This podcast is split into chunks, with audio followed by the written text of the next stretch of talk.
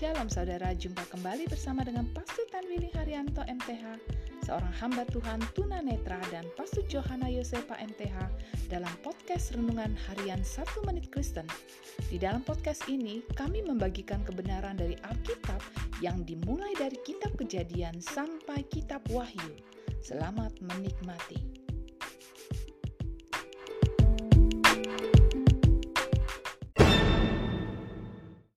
Shalom saudara berharga di mata Tuhan, senang dapat jumpa dengan saudara. Hari ini firman Allah mengingatkan kita jangan mencelakakan. Sebuah peraturan diberikan kepada orang Israel bahwa siapa yang mengambil tutup dari sebuah sumur atau menggali sumur dan tidak menutupinya, lalu seekor sapi jantan atau keledai jatuh ke dalamnya, pemilik sumur itu harus membayar ganti rugi kepada pemilik ternak itu. Kita harus berusaha bukan hanya tidak merencanakan perbuatan jahat, tetapi kita juga harus berusaha untuk mencegah agar tidak mencelakakan orang lain. Sebab kalau tidak, kita bisa seperti menjadi alat yang mendatangkan kerugian bagi sesama kita.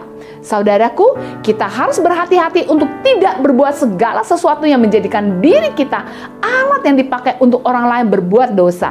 Dengan membuat saudara kita jatuh atau tersandung, maka hal itu berarti kita telah melanggar peraturan Allah marilah kita bertindak untuk menjadi berkat bagi sesama dan nama Allah akan dipermuliakan melalui kehidupan kita. Amin.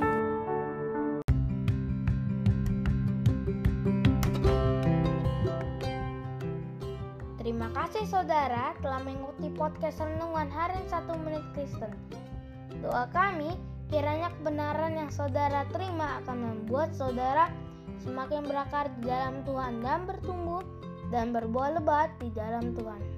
Tuhan Yesus memberkati.